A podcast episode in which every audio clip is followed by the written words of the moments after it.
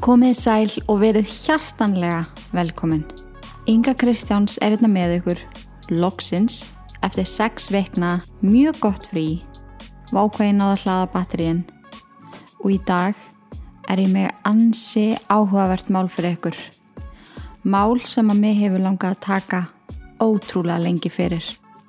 Mál sem hefur leið á íslensku þjóðinni eins og Mara í áratöyu. Ég er nokkuð vissum að hvert einasta mannsbarn á Íslandi þekkiti máls Guðmunds Einarssonar og Gerfinns Einarssonar. En þeir hörfu sporlust og hafa ekki enn í dag fundist.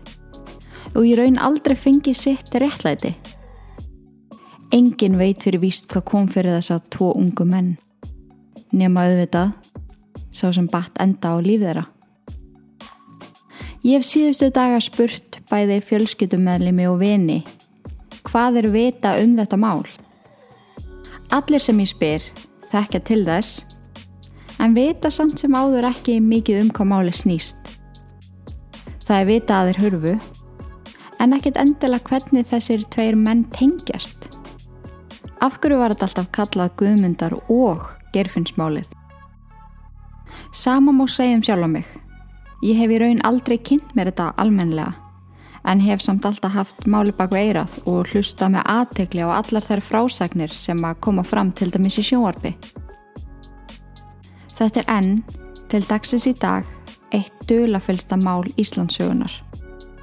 Hvernig geta tveir einstaklingar horfið svona, líkt og jörðin hafi glift á á litla Íslandi? Í þætti dagsins ætla ég að fara yfir þetta undala mál með ykkur þótt að ég sé nú líklegast ekki að fara að segja ykkur eitthvað nýtt, þá mögulega næja að útskýra þetta betur.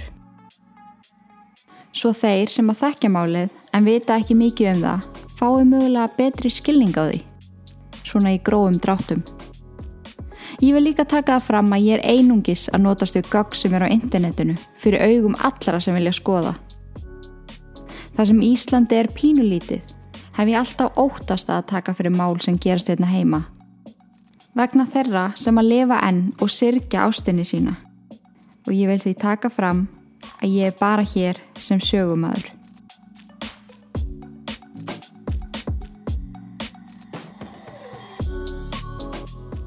Styrtaræðilar þáttarins að þessu sinni eru blöss.is og blackju.is og já, ég vinn bara með fyrirtækjum sem byrja á bíu og ég kaupi líka bara mat í búðinu sem byrja á bíu og ef úti það er farið þá gengi bara í fötum sem byrja bíja.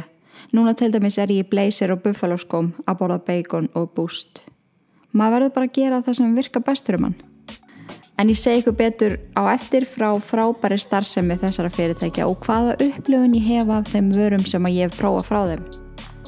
En ég held að við ættum ekki að draga þetta neitt frekar.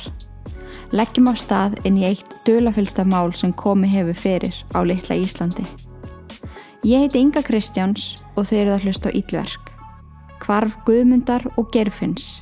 Gjöruð svo vel.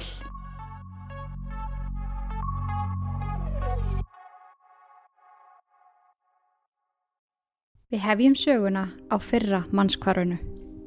Dagurinn þar sem Guðmundur Einarsson gufaði upp. Líkt og jörðin hefði gliftan. Guðmund var fættur þann 7. ágúst árið 1955. Hann bjó ásand fóruldru sínum og þrem bræðrum á heimilið þeirra hraunpríði í Blésugróf sem er sangvænt mínum útreikningum í Breiðholti, skamt frá hólakverfinu. Veturinn 1974 var Guðmundur 18 ára gammal, bráðmyndalegur og hávaksinn strákur, um 180 cm á hæð með dögt axlasítt og liðahár og stór stingandi augu.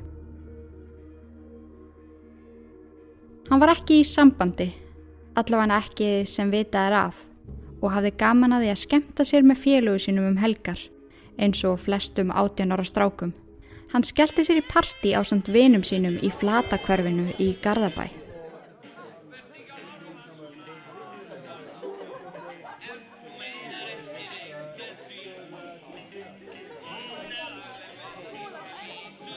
Þetta var ósköp venjulegt parti í heimahúsi. Vodki í kók, góð tónlist spilað á grammofón, síkaretur og spjall og almenn gleði.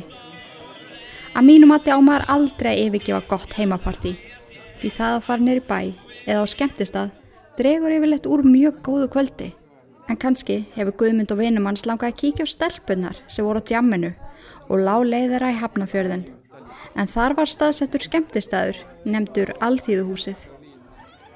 Húsi stendur enn og er staðsett á strandgötu 32.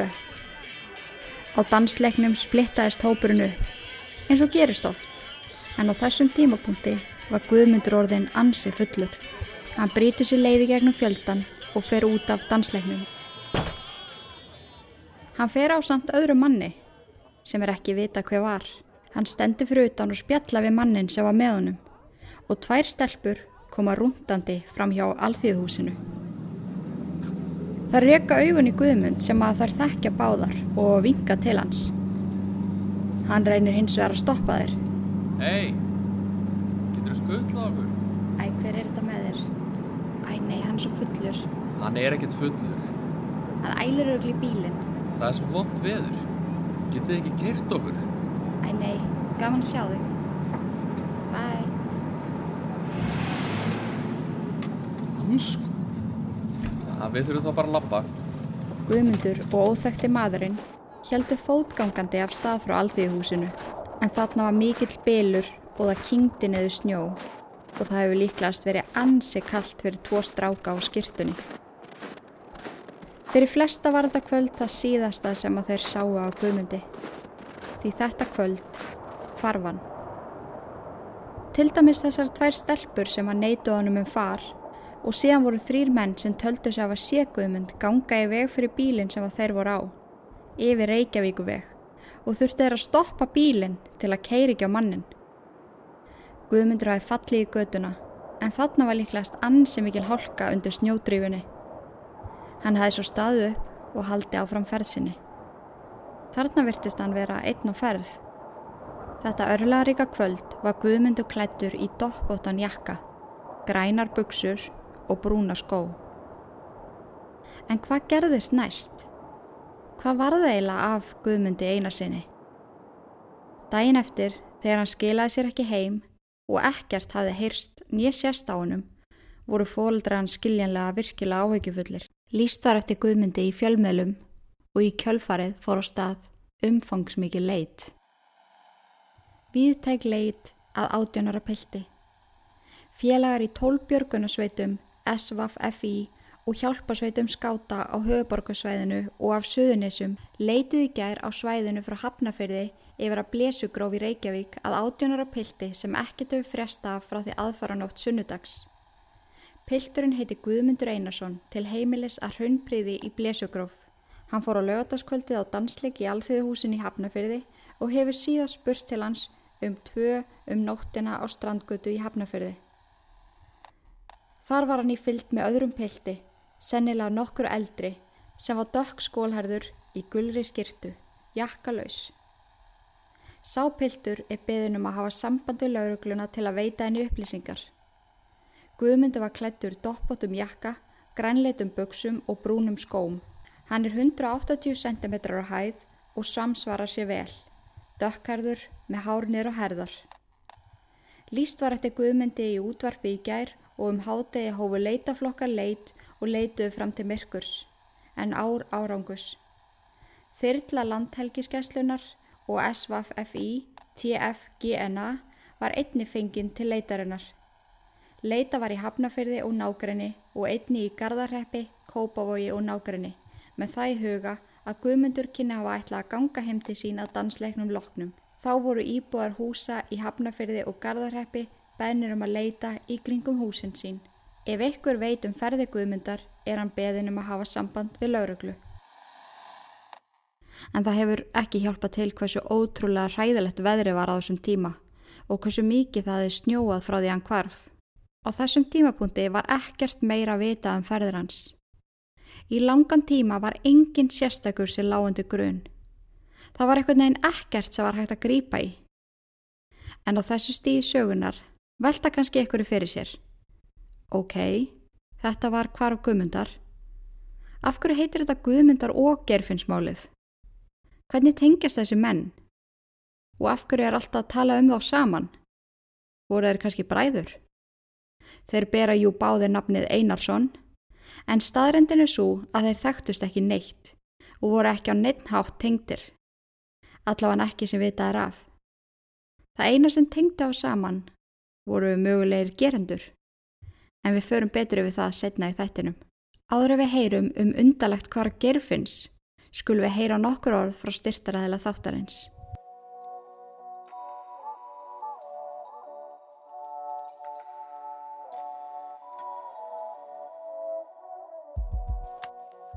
Hver elskar ekki að brosa fram hann í fólk og skarta skjanna kvítu stelli? Ég gera það allavega og hef allatíð lagt mikið upp úr tannhyrðu. Alltaf farið reglulega til tannlæknis, nota tannþráð og pröfa mig áfram með tannkvítunavörur til að halda mig við. En núna þá belast ég úr spennu yfir einu helviti góðu tilbúið sem ég með fyrir ykkur.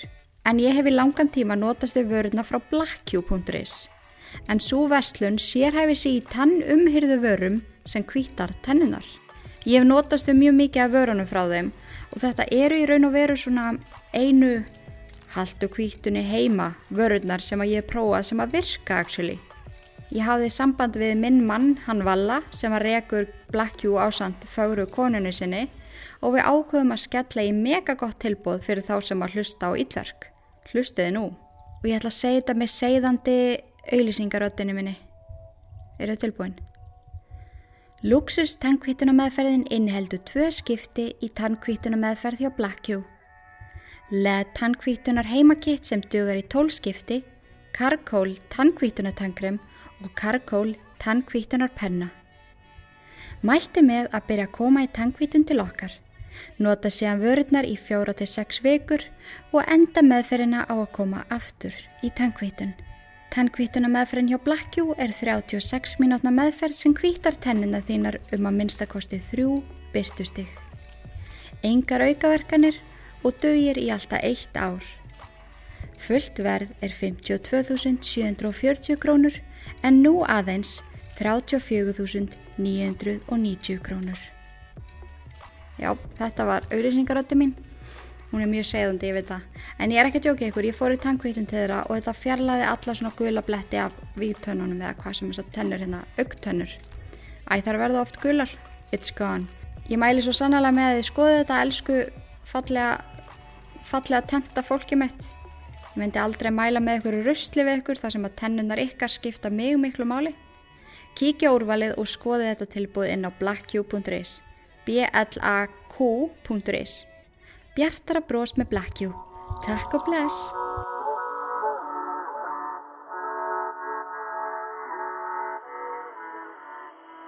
Velkomin tilbaka mín kæru mannsbörn. Ef við förum með tímavél aftur til 1974 þá eru einungis nokkrar mánuður liðni frá kvarfi Guðmundar. Það er ískaldur november 1974. 19. november til að vera nákvæm. Gerfinnur fær undalegt símtal sem átti eftir að leiðan úti í dauðan. En hver var þessi Gerfinnur?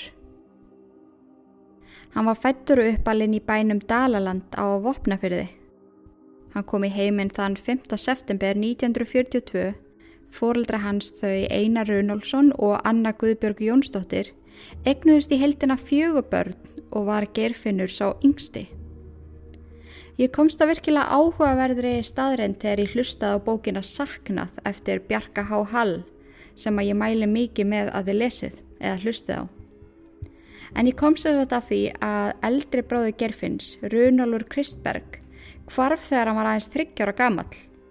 Hann hafði sum sér farið með sískinu sínum og öðrum börnum með nesti handa mönnum í heifinu og fadir þeirra var einn af þeim. Þau þurftu að ganga tölvert langa leið Þegar þau voru svo leiðinni aftur tilbaka þá vildi Runólu litli fara aftur til pappasins og vera með honum að vinna. Sískininn sögðu bara já ok og horfðu á eftir honum lappa aftur tilbaka. Og þegar þau töldu örugt að pappi þeirra væri búin að sjá hann, heldu þau áfram að ganga heim. En Runólur komst hins vegar aldrei á leiðanenda og fannst aldrei. Talið er að hann hafi eld litla lækjasprænu að klettabjargi og fallið þar framaf. En elsku barnið hvarf þennan dag og eftir viðamikla leit fannst hann aldrei. Þetta er svo hræðilegt og hversu þung byrði fyrir sískininn að þurfa að bera að hafa litið af honum. Auðvitað er þetta ekki þeim að kenna en þau hljóta hafa kent sér um að einhverju leiti. Þannig í rauninni hafa fóreldrar gerfinns mist tvo seni sína sem að hverfa báðir. Það hlýtur að vera gríðilega erfitt. Það er öruglega ekkert meira sálamorð heldur hann að vita ekki hvað varða af ástfunni sínum.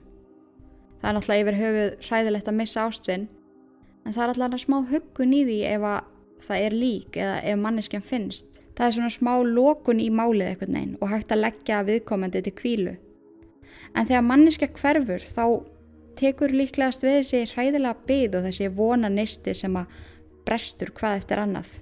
Móðir Gerfinns deyr svo áriði 1950 og ræður fadir þeirra ekki við að hafa þau öll og eru sískinni sendi í fóstur öll í sikkuru læginu.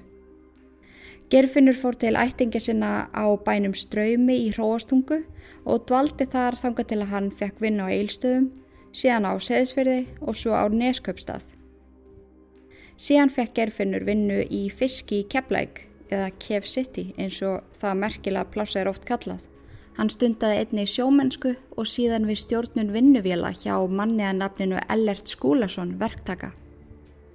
Hann vann til dæmis við framkvæmdir upp í búrfelli og sigöldu þegar reistar voru þar virkjanir.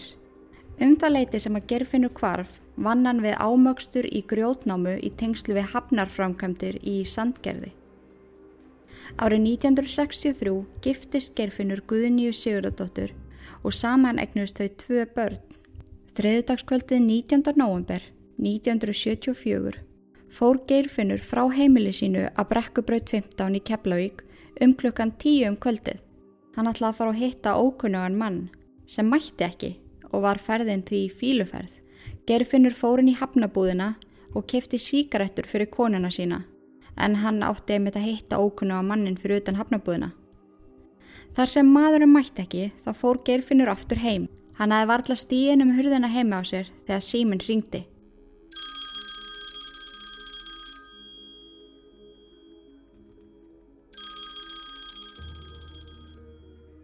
Sónur hans svaraði og það var spurt. Er gerfinu við? Sónur hans kallaði eftir pappa sínum sem kemur í síman. Halló? Ég er búin að koma. Allt í lagi þá. Ég kem. Sennilega hefur þetta verið aðilinn sem átti að hitta hann í hafnabúðinni. Gerfinnur fór aftur í jakkan sinn og óka hafnabúðinni til að hitta mannin. Hann lagði bílnum sínum hinum með við göduna og gekka litlu sjóppunni. Gerfinnur sást aldrei framar. Það eina sem vitað um ferður hans voru þær upplýsingar sem að vinnufélagi hans Þórður bjó yfir. Gerfinnur hafi nefnt að við hann að hann væri á leiðin að hitta ókunnugan mann Hann þurfti að fara einn og fótgangandi að hitta hann og enginn mætti vita af þessum hitting. Gerfinnur saði líka að líklegast væri sniðast hjá hann að taka með sér skotvopn. Þórður hafði ekki hugmyndu um hvernig hann var að tala um og hvernig hann var að fara að hitta og kunni líklegast ekki við að spyrja, fyrst þetta var allt svona háleinilegt. Þetta örlaðaríka kvöld var Gerfinnur klættur í bláa úlpu með hettu, græn köplóta skirtu grænleitar flauilegsbuksur og brúna upp á að skó. Hann tók með sér reykjapípu og tópaksbref sem var líklegast í vasa úlpunar. Þegar Gerfinnur skilaði sér ekki heim og eiginkona hans fór að hafa miklar ágjur á hannum, fór á stað við að mikið leit. Fyrst fór leitin fram í Keflavík og svo síðan í Reykjavík. Fyrstum sinn skilaði leitin engu, engin sunnunagögn, ekkert sem gætt benti þess hvað kom fyrir gerfin, sem var þessi hægláti, góðlegi og klári maður. Það hafði engum grunað að hann hefði verið flekturinn í vafasum mál. Þannig var hann bara ekki, svo það var virkilega erfitt að ímynda sér hvar hann gæti verið niður komin. Í upphafi rannsóknarinnar á kvarfi gerfins var líst eftir manni í brúnum leðujakka sem sást þetta örlaðaríka kvöld í hafnabúðinni. Hann hefði beðið starfsmann þar hvort hann mætti fá að ringja. Með að við símagögn þá ringir hann um sama leiti og gerfinnur fær þetta setna símtall þar sem hann segir ég er búinn að koma. Já, allt er lægi, ég kem. Að öllum líkindum er maðurinn í brúna leðujakkanum sá sem ringdi í gerfinn. En tengdist hann hvarfi hans? Það var einni auðlýst eftir manni sem sást á spjalli við gerfinn fyrir utan skemmtistæðin klubbin tveim dögum ára hann hvarf. Maðurinn í brúna leðujakkanum og maðurinn sem sást spjalla við gerfinn voru báðir mjög svipæri lýsingu og hefur lengi verið talið að um sig að ræða sama mannin, hver sem hann nú var. Listamæður í Keflavík komið þá hugmynd að móta leirhöfuð sem átt að minna á þennan mann sem rætt var um. Það átt að auðvelda fólki að átt að sjá því hver þetta væri. Þessi stitta er núna til sínis á sapni og hefur alltaf verið kallaverkið Leirfinn. En nú erum við búin að heyra sögur Guðmyndar og Gerfinns sem hafa kóreir komið í leitina. En spurningin sem ég lagði upp með í byrjun þáttar er eitthvað sem við þurfum að skoða betur núna og fara yfir. Hvernig tengjast þessi tveir menn? Af hverju eru þetta alltaf Guðmyndar og Gerfinnsmálið? Personlega hef ég aldrei skilið það almennilega. Ekki fyrir en ég fór að skoða þau gögg betur sem eru á ofinberum vettvangi. Það sem hræði mann verulega við að skoða þetta mál er að margir telja líklegt að dæmt hafi verið hryllilega vittlust í málunum þegar loksins komu inn fleiri vísbendingar og saklausir einstaklingar hafi verið dæmtir til fangilsisvistar. Við skulum skoða þetta betur saman. Voru þessi menn flæktir inn í vafasum mál sem tengdi þá eða voru einstaklingarnir sem komiðin fyrir kattanef eitthvað tengdir? Þetta er allt svo dölafullt að það næri yngri átt. Það eina sem vita er fyrir víst er að þær fundust aldrei og hafa ekki enn í dag fundist. Það var ekki fyrir en Erla Bolladóttir var handtekinn og yfirheyrð þar sem hjólinn fóru aftur að snúast í kringum 1977. En hún var yfirheyrð út af allt öðru máli sem ég ætla ekkert endilega að fara út í hér. Og ég ætla ekkert endilega að fara út í þá salma um hver er segur og hver er saglus og örlög fólksinn sem var dæmt. En ég mæli með að þið horfið á myndina Out of Thin Air sem er á Netflix til að skoða þá hlið betur. En það sem á mig sanni segja er að margt undarlegt fór fram þegar að koma rannsókn málsins. Það var í raun fyrir tilvilun að Erla var bendlu um málið og í kjölfarið kærasti hennar, Sævar Sesselski og fleiri ungir menn. Þegar það var verið að klára yfirherrana vegna glæp sem hún fremdi sem að tengdist þessu ekki neitt, var sínt henni mynd af Guðmundi einasinni sem hafiði horfið eftir djam í alþýðuhúsinu. Hún var spurð hvort hún kannast við hann, sem hún jánkaði. Já, ég kannast við hann. Ég um að verið í partíi með honum, en ég man ekki eftir að hafa að tala við hann síðan þá. Þá var bóðið henn að setjast aftur og hún spurð spjörunum úr, fyrst út í Guðmund og síðan gerfinn. Það var sagt henni að Sævar, kærastinn hennar, hefði kent henn um allt þegar að koma hinn um glæpnum og hún var skiljilega leiði við því að hann skildi skella öll á hana. Hún átti kornunga dóttur og vildi líklegast verja sig og ákvað að opna sig með allt sagnæmt sem hún vissi af við lauruglu. Allt sem hún hefði verið partur af, allt sem hún hefði orðið vittni af og allt sem hún hefði heyrt af. Hún opnaði sig upp á gátt Hún segi sjálfa á þessu tímabili hafi lauruglan og þessir tilteknu menn sem yfirheyrðana orðið góðvinnar hennar. Hún gaf tala við þá, treysta þá. Hún segir einni frá því að hún hafi deilt með þeim martröð sem hún hafi upplifað nokkrum nóttum áður. En þetta sem að hún kallaði martröð átt eftir að spila ansi stóran parti í málinu.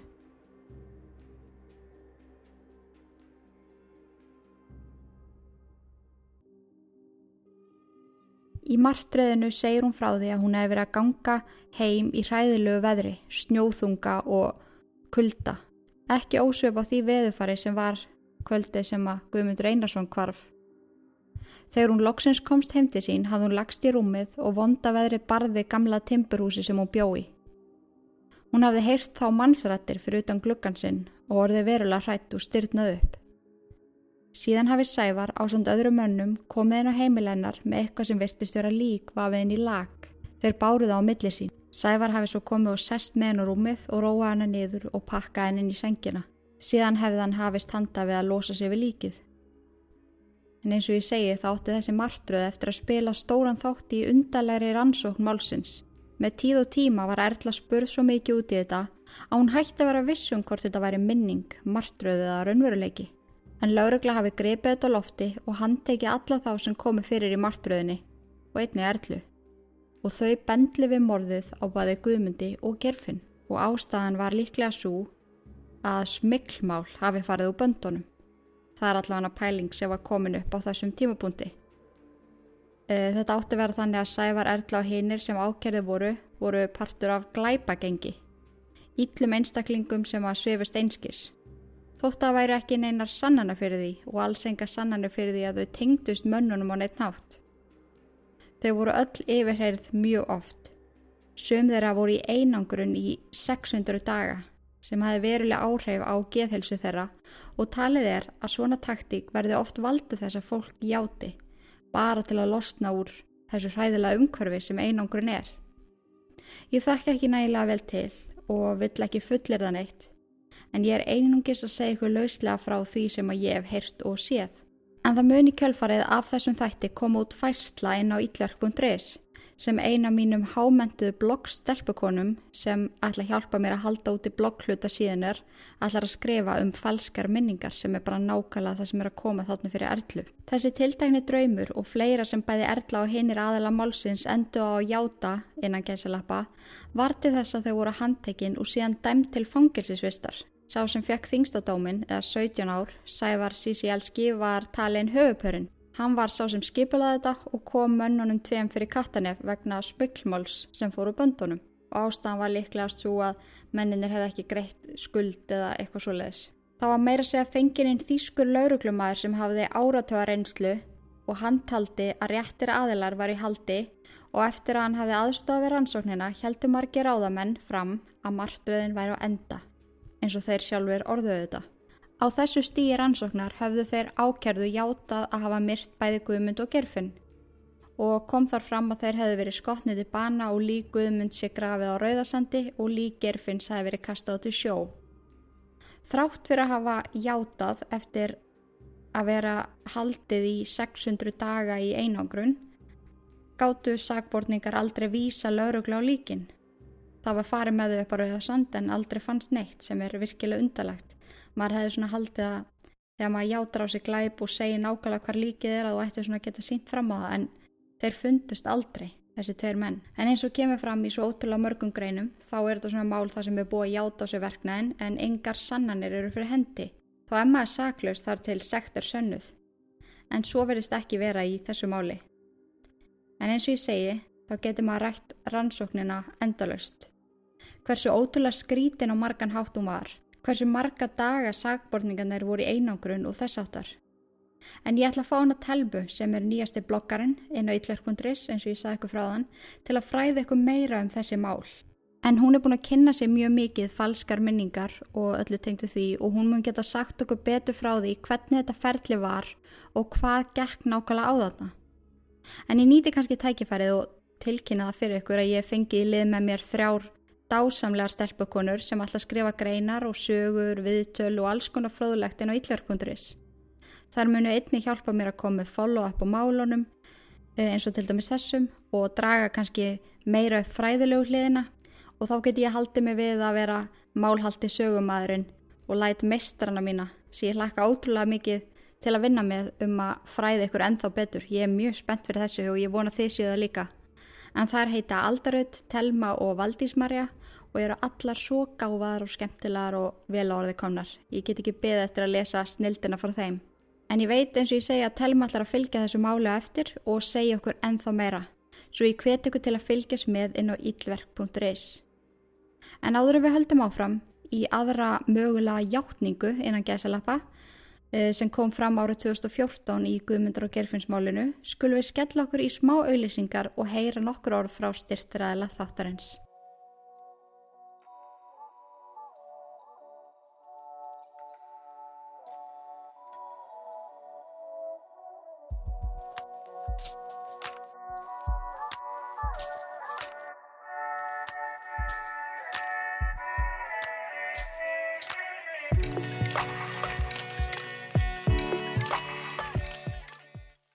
Jæja, ég er ekki allir hessir, vel fullnægðir og sátti með lífið. En ég get samt lofa ykkur að tilveran verður aðeins betri ef þið hendið ykkur inn á blöss.is og pantið ykkur Satisfyer Pro Traveler og Uberloop. Góðan daginn sko. En annars þá fæ ég ekki nóga blöss.is. Dásamlega fallegu búðin eðra, fyrirmynda þjónustu og bara hvað kynlífi fallegur hlutur í þeirra augum. Blöss er algjörlega búið að taka hana leiðinda pornóstimpil af kynlistækjum og ég elska það. Kíki við hjá þeim í dásalegu búðinu þeirra sem er by the way opinn til 9 og 50 dögum sem er geggjað upp á enda date night þar. Eða einn og þægilegu heimasíðuna þeirra sem sendir hvert á land sem er. Blöss.is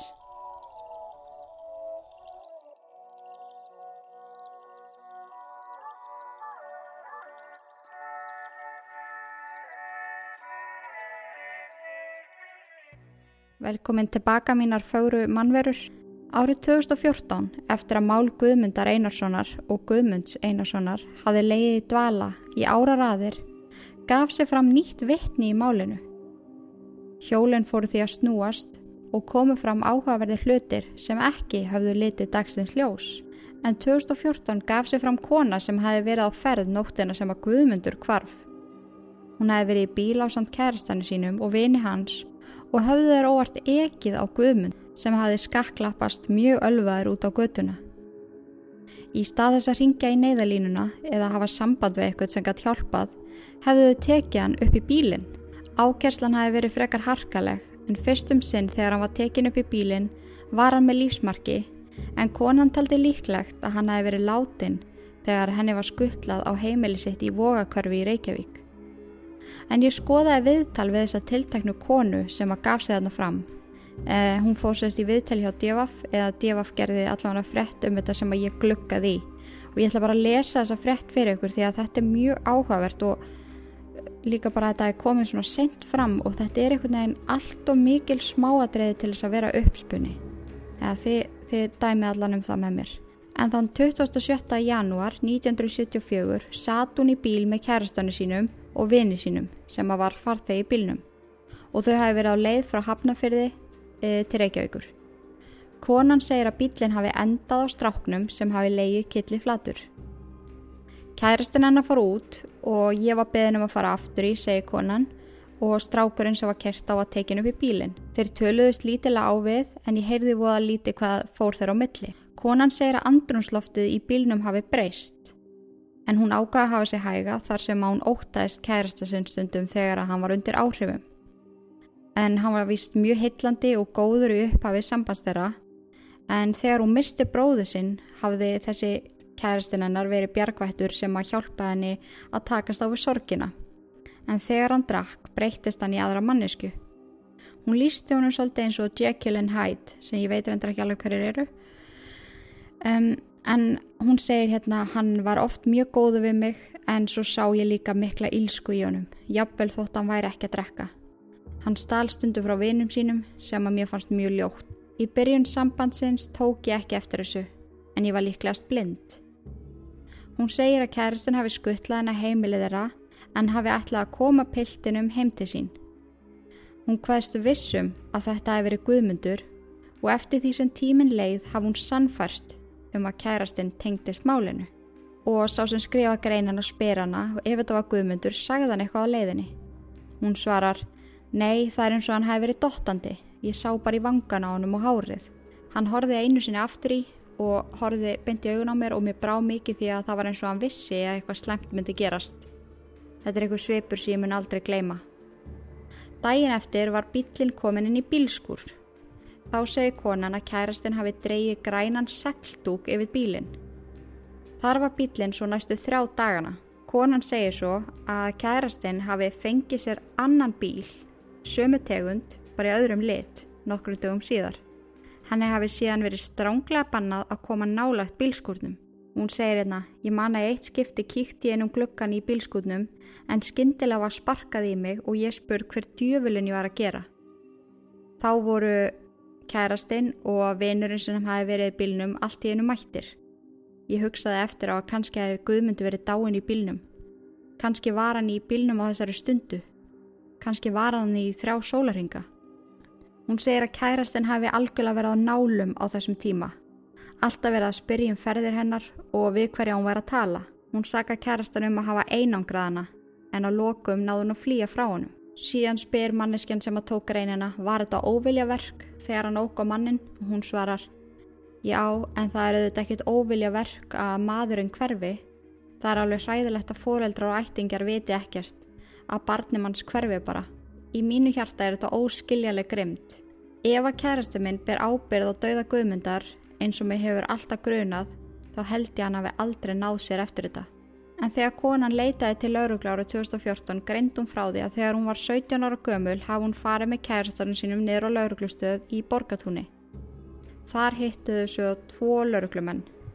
En þar sagði kærastinn lauruglumennunum frá því að Sævar Kristjóna Erla tengdust uh, ákveðnu glæpamáli sem að Erla var og ég er að reyna að vera ekki að neymdroppa of mikið en sem sagt Erla og Sævar uh, frömdu glæp uh, sem ég saði ykkur frá áðan sem að tengdist morðunum ekki neitt. En þarna segir kærasti þessara konu lauruglunu frá þessu sem að kemur líklegast upp um þau. En hann segir líka frá því að Sævar og Kristján sem að voru einmitt dæmdir fyrir morði á Guðmundu og Gerfinni að þeir gætu látið menn hverfa og hann gæti sagt þeim frá ymsum mannskverfum Þetta segi kærastinn lauruglunni. En í staðin fyrir upplýsingar vildi hann að þeir myndu milda yfir honum dóm sem hann átti von á. Þá var hann að fara inn í fyrsta skipti.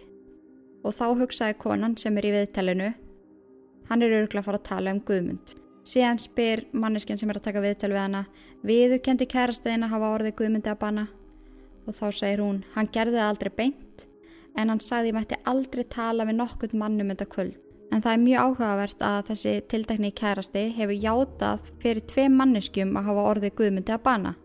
Hann gerði það bæði í samtali við Sigurstein Másson sem er með sanníslega sagamál og einni Erli Bolludóttir, konuna sem ég saði ykkur frá einni byrjun sem var kærasta Sævar Siselski. En hann harð neytaði hins vegar að hafa sagt við lauruglu á sínum tíma að þreminningarnir tengdus mannskörunum. Vittnisspurður sem mögulega varti þess að saklusir einstaklingar fenguð þunga dóma. Ég vona ég sé ekki að flækja þetta mikið og þetta hljóma ekki allt í belgubiðu en þessi maður er tengdur því að aðaladni fóru í fangelsi sem að fóru í fangelsi. Það var hann sem benti á þau og það er mögulega hann sem að kom uh, sínum eigin glæp á þau, fattiði mig. Þegar Djefa frætti við Erlu Bolladóttir þá staðfæsti hún að hún hafi farið eh, til fundar við þennan mann, þennan kærasta eh, frá konunni í greininni og þar saðist hann hafi verið á staðnum þegar Guðmundur Einarsson lést. Frásögn mannsins var sama frásögn og Erlu var gert að undirrita eftir langar og strángar yfirherslur hjá lauruglunni. Ok, nú kemur líka með eitt mjög áhugavert. Þegar jarðaför Sævar Marino Siselski fóð fram í Dómkirkjunni árið 2011 þá var þessi kærasti, sem að ég er alltaf að tala um, með mikla háreisti í jarðaförni og grét hástöfum. Og töldu þeir sem að þekkja vel til málsins að hann hafi verið svo sagbitinn vegna þess að hann hafi bent á Sævar og sagt að hann tengti smálinu á fundinum hjá lauruglunni 1975. Og konan sem fór í viðtali hjá Devaf tekur undir það. Hann hafi verið svo sagbitinn að hafa komið sævari bak við lás og slá fyrir glæpin sem að hann framti að hann var bara viðhorslaus í jarðaförunni. Konan segir svo í endan, ég var logandi hrætt. Ég vissi að ég erði að segja frá þessu kvöldi. Ég var alltaf efins en ég veit hvað gerist þetta kvöld og ég varði að horfast í augu við það. Ég var alltaf með kvíðan út og loks tóks mér að segja þessu sögu. Hvort sem hún verið að fullur rétt eða ekki, loks eru þingslinn í hjartanu farin, segir konan og bæti við. Mér dreymdi Guðmund nóttin áður en ég fór til lauruglunar. Mér dreymdi hann bæði mömmi sinna að gerða sig í kvítu í jakkafötunni sínum. Ég veit ekki með ykkur en mér finnst þetta bara of ítalagt til þess að vera skaldað. En hún segir þessi kona að enginn í fjölskyldunni hafi vita sögu hennar öll þessi ár. Hún hafi aldrei rætt um það sem gerðist. Eftir hún grindi frá því sem hún vissi árið 2014 fekk hún neyðarnapp hjá lauruglu sem að hún var með heilt sömar bara að hún var svo hrætt við mannin eftir að hún í rauninni kom upp um hann. Ég var alltaf hætt. Ég varði að fara náttúrulega út með hundin og ég kíkti alltaf í kringum áður ég fór út, segi konan og bæti við að sími hennar hafi verið hleraður.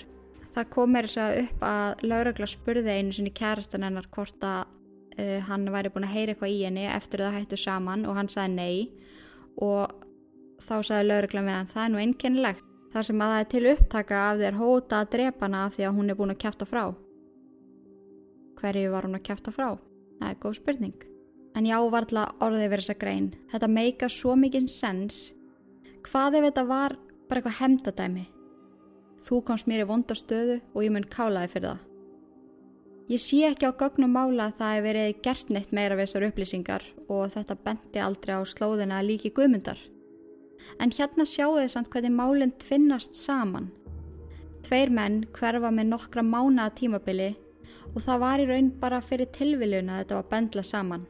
Á litla Íslandi þá hlýtur að bara vera söma aðelara verki, ekki eru fleiri að ganga um og kála fólki.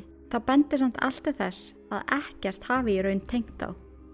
Þegar síðustu stundir urðu vegna gjör ólíkra mála. Í sögu gerfinns var það mögulega skuld og eitthvað skona vesen vegna smegls og í sögu Guðmunds var það hemmt að því að hlustiði nú. Guðmundur, ok, kærastinn í greininni sem ég var að segja ykkur frá þar sem konan er að segja frá því að hún sé vissum að kærastinn hennar eigi aðild í málinu. Það er nefnilega málið að, að nokkrum mánum áður en að Guðmundur kvarf þá vittnaði Guðmundur gegn kærastanum út af líkamsárás sem að hann hefði orðið vittni af. Þannig að það meikar alveg sens bara, heyrðu, þú komst mér í slæma stöðu, þú vittnaði gegn mér, ég ætla að kála þér. Fattiði mig. Þannig að það sem ég finnst svo áhugavert eftir að hafa rendi gegnum þetta allt saman er að þeir tengjast ekki neitt. Þeir tengjast ekki á neitt hátt. Það er nefnilega málið. Þetta heitir Guðmundur og Gerfinnsmálið af því að þetta gerist á Íslandi. Þetta gerist með nokkra mánaða millibili og það var, haldi, það var haldið í smá tíma að þetta tengdist og það væri söma aðilar sem að uh, stóði í þessu en það er bara ekki þannig. En ég er að segja ykkur að þetta mál uh, er nokkuð svona róttuhóla, það er að finna endalaust um þetta. Og þetta er mjög áhugavert, ég geti sko gert tíu parta seríu um þetta og það eru svo margi búin að gera, það. Er búin að skrifa bækur, það er búin að gera þætti og alls konar frásagnir um þetta. En það sem mér langaði að gera í þessum þætti var að gera þetta svona svolítið einfalt og myndrænt og lefa okkur svona aðeins að skilja betur hvað kom fyrir og skilja betur af hverju þetta var tengt svona saman en eins og ég segi og alveg eins og ég saði ykkur í byrjun þáttar þá í rauninni hef ég alltaf vitað um þetta. Ég hef alltaf vitað já, guðmyndur að gerfismálið en ekkit nákvæmlega hvað gerðist. Þannig að það er mjög áhugavert að fá að heyra sögu mannana og og það væri svo óskandi að það kemi fram ykkur, ykkur sem vissi eitthvað og það væri eftir að leggja á til kvílu en það er talið þetta mjög ólíklegt.